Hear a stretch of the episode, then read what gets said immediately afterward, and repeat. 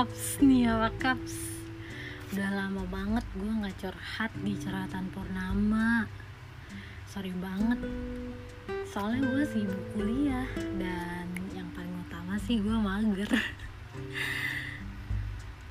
Tapi curhatan purnama kali ini gue mau curhat tentang bener gak sih perempuan itu tercipta dari tulang rusuk laki-laki?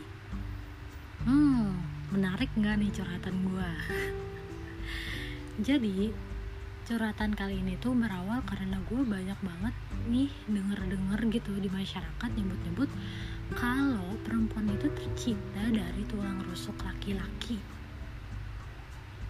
Sebelumnya gue mau nanya sama kalian. Kalian pernah nggak sih denger tentang hadis yang ngebicarain kalau perempuan itu tercipta dari tulang rusuk laki-laki?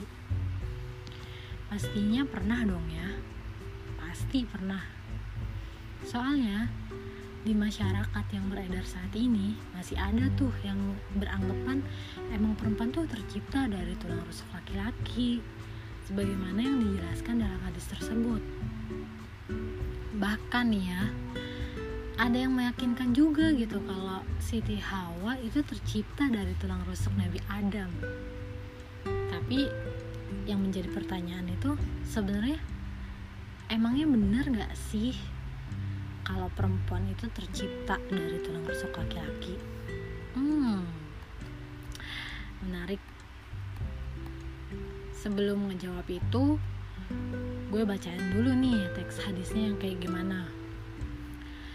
Abu Hurairah radhiyallahu an menuturkan bahwa Rasulullah SAW bersabda Saling bernasihatilah kalian semua untuk kebaikan perempuan karena sesungguhnya perempuan itu diciptakan dari tulang rusuk.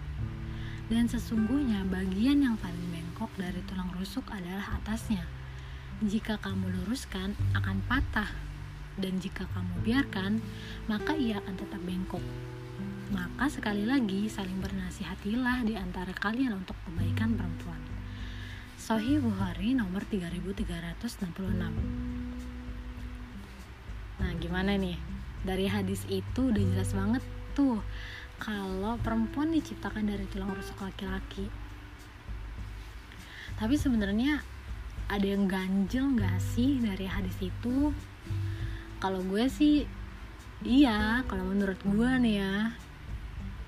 Soalnya kalau kita lihat secara tekstual dan kalau kita pahami secara asumsi aja emang jelas banget sih emang benar kalau perempuan itu diciptakan dari tulang rusuk. Tapi secara fakta dan realitanya benar gak sih?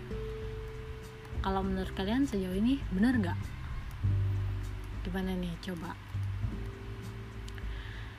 Nah jadi kalau secara faktual dan realitanya sebenarnya perempuan itu bukan tercipta dari tulang rusuk sebagai soalnya um, sebagaimana menurut pendapat Kiai Haji Nasaruddin Umar selalu selaku imam besar Masjid Istiqlal yang menganalisa ayat-ayat tentang penciptaan manusia yang kemudian uh, beliau itu membaginya menjadi tiga kelompok gitu.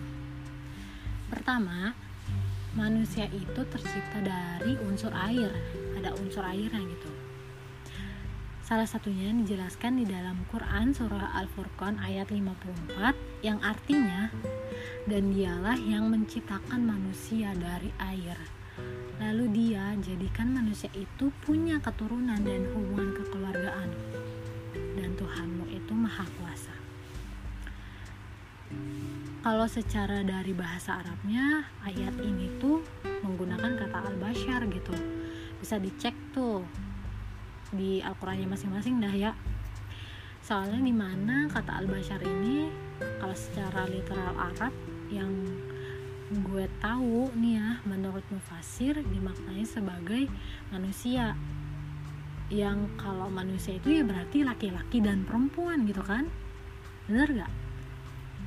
yang kedua manusia itu tercipta dari unsur tanah salah satunya dijelaskan di dalam Quran surah Al-Mu'minun ayat 12 yang artinya dan sesungguhnya kami telah menciptakan dari satu saripati berasal dari tanah. Nah biasa banget kan? Ini tuh yang manusia tercipta dari tanah itu udah familiar banget sih kalau menurut gua. Bahkan ada yang pernah dengar pas kata-kata kayak gini manusia diciptakan berasal dari tanah maka akan kembali ke tanah pula. Jadi jadi itu e, manusia diciptakan dari tanah yang kemudian nanti dia meninggal pun akan dikubur di dalam tanah juga gitu. Jadi ujung-ujungnya ke tanah tanah itu tanah juga gitu. Terus yang ketiga manusia tercipta dari reproduksinya dijelaskan di dalam Quran surah Al-Mu'minun ayat 12 sampai 14 yang artinya dan sesungguhnya kami telah menciptakan manusia dari suatu saripati berasal dari tanah. Kemudian kami jadikan saripati itu air mani yang disimpan dalam tempat yang kokoh rahim Kemudian air mani itu kami jadikan segumpal darah, lalu segumpal darah itu kami jadikan segumpal daging, dan segumpal daging itu kami jadikan tulang belulang. Lalu tulang belulang itu kami bungkus dengan daging. Kemudian kami jadikan dia makhluk yang berbentuk lain. Maka Maha Suci Allah pencipta yang paling baik. Dalam arti ayat Quran ini tuh udah jelas banget gitu ngejelasin dari segi sainsnya gitu. Di mana ngejelasin awal mula terbentuknya manusia itu dalam sistem reproduksinya. Dimulai e, melalui sel sperma yang ketemu sama ovum.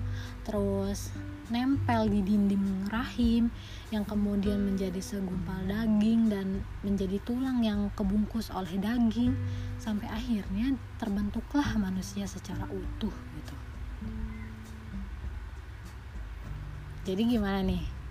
Dari tiga unsur itu dari penjelasan tadi itu sebenarnya udah jelas ya kalau perempuan itu tercipta bukan dari tulang rusuk. Malahan baik perempuan maupun laki-laki tercipta dalam unsur yang sama yaitu air, tanah, dan sistem reproduksinya.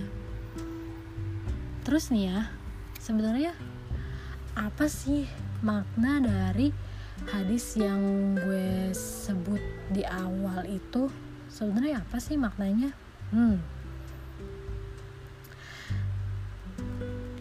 Jadi kata-kata tulang rusuk itu dipandang sebagai majas atau biasa disebut dengan kiasan gitu yang kalau gue baca di buku Kiroah Mubadalah nih ya kalau dalam metodologi tafsir suatu makna yang berlawanan dengan teks-teks sumber, fakta realitas, atau akal pikiran harus ditarik menjadi makna kiasan.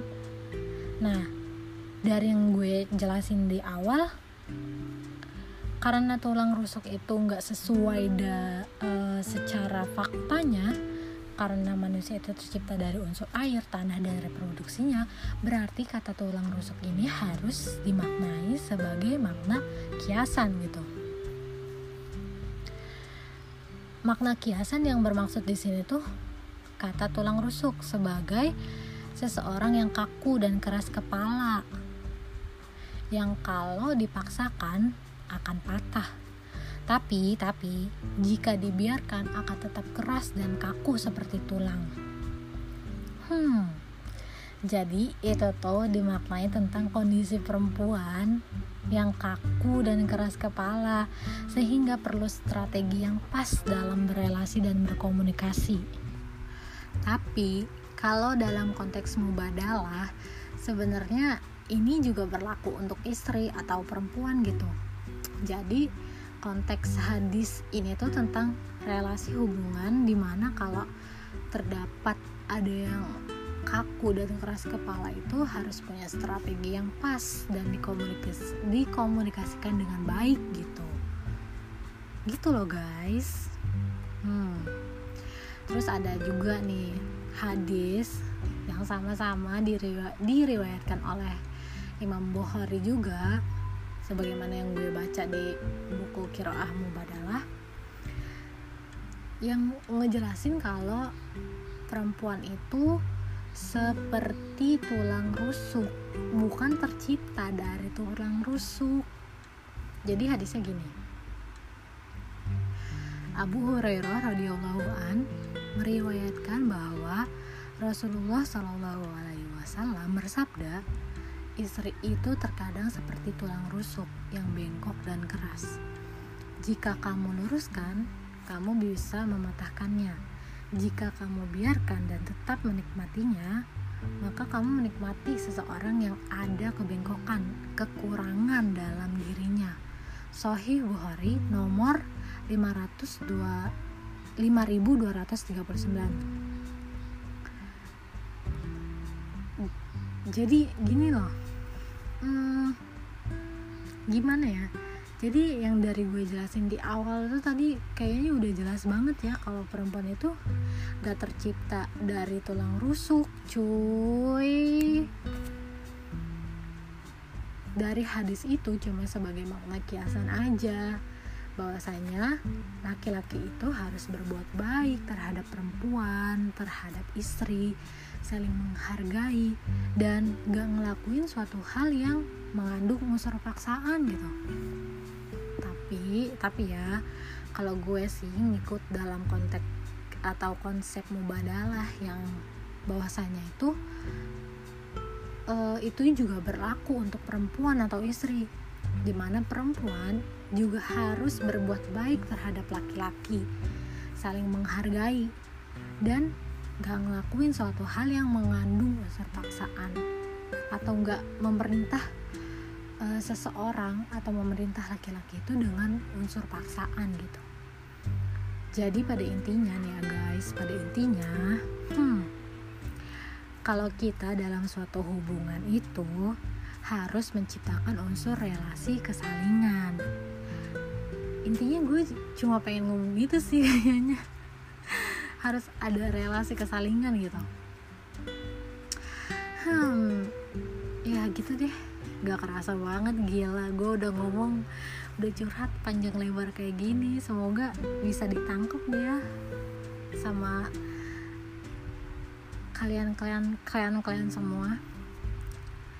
Ya udahlah ya guys. Begitulah curhatan pertama kali ini semoga dari curhatan ini udah nggak ada lagi tuh yang beranggapan kalau perempuan itu tercipta dari tulang rusuk. Dan semoga ini tuh bisa bermanfaat buat gue dan buat kalian yang denger curhatan ini. Dan yang terakhir nih semoga semoga juga nih ya gue nggak mager-mager lagi deh ya buat curhatan purnama ini. Sebenarnya banyak banget yang pengen gue curhatin tapi ya karena gue agak-agak mager gitu orangnya semoga gue nggak mageran lagi ya. Ya udah deh guys. Udah gitu aja. Nggak usah panjang-panjang. Oke. Okay. oke okay, guys. Gimana? Gue gue mau ngomong apa lagi ya?